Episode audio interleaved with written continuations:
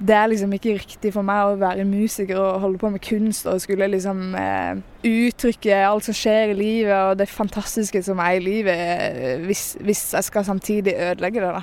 Jeg følte jo meg som et objekt som de mennene kunne sitte og se på da, mens musikken gikk.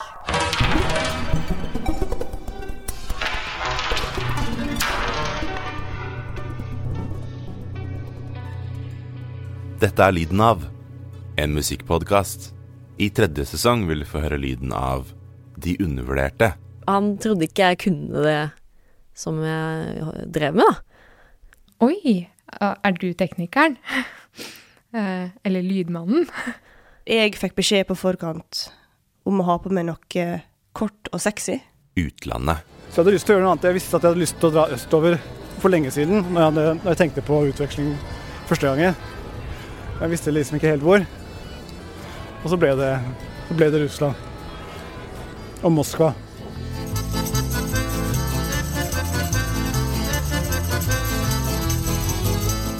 CO2. Det er sånn komisk det der med at å fly er liksom suksess. Hvis du flyr til gigs, da er liksom suksessrik. Er det noen som kan kutte, så er det meg, på en måte. Og da følte jeg at det var, det var riktig å avlyse. Hadde jo selvfølgelig lyst til å dra til Japan. Tog og sykkel rundt hele verden. Og tror man heller kan bare prøve å tenke litt smartere, da.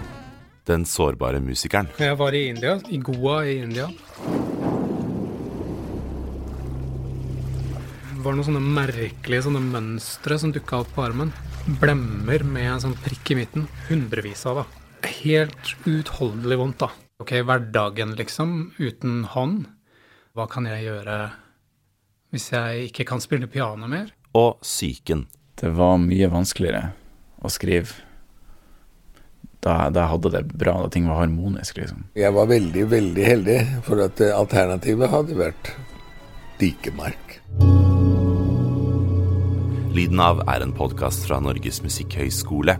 Dykk dypere inn i lyden av universet på lydenav.no.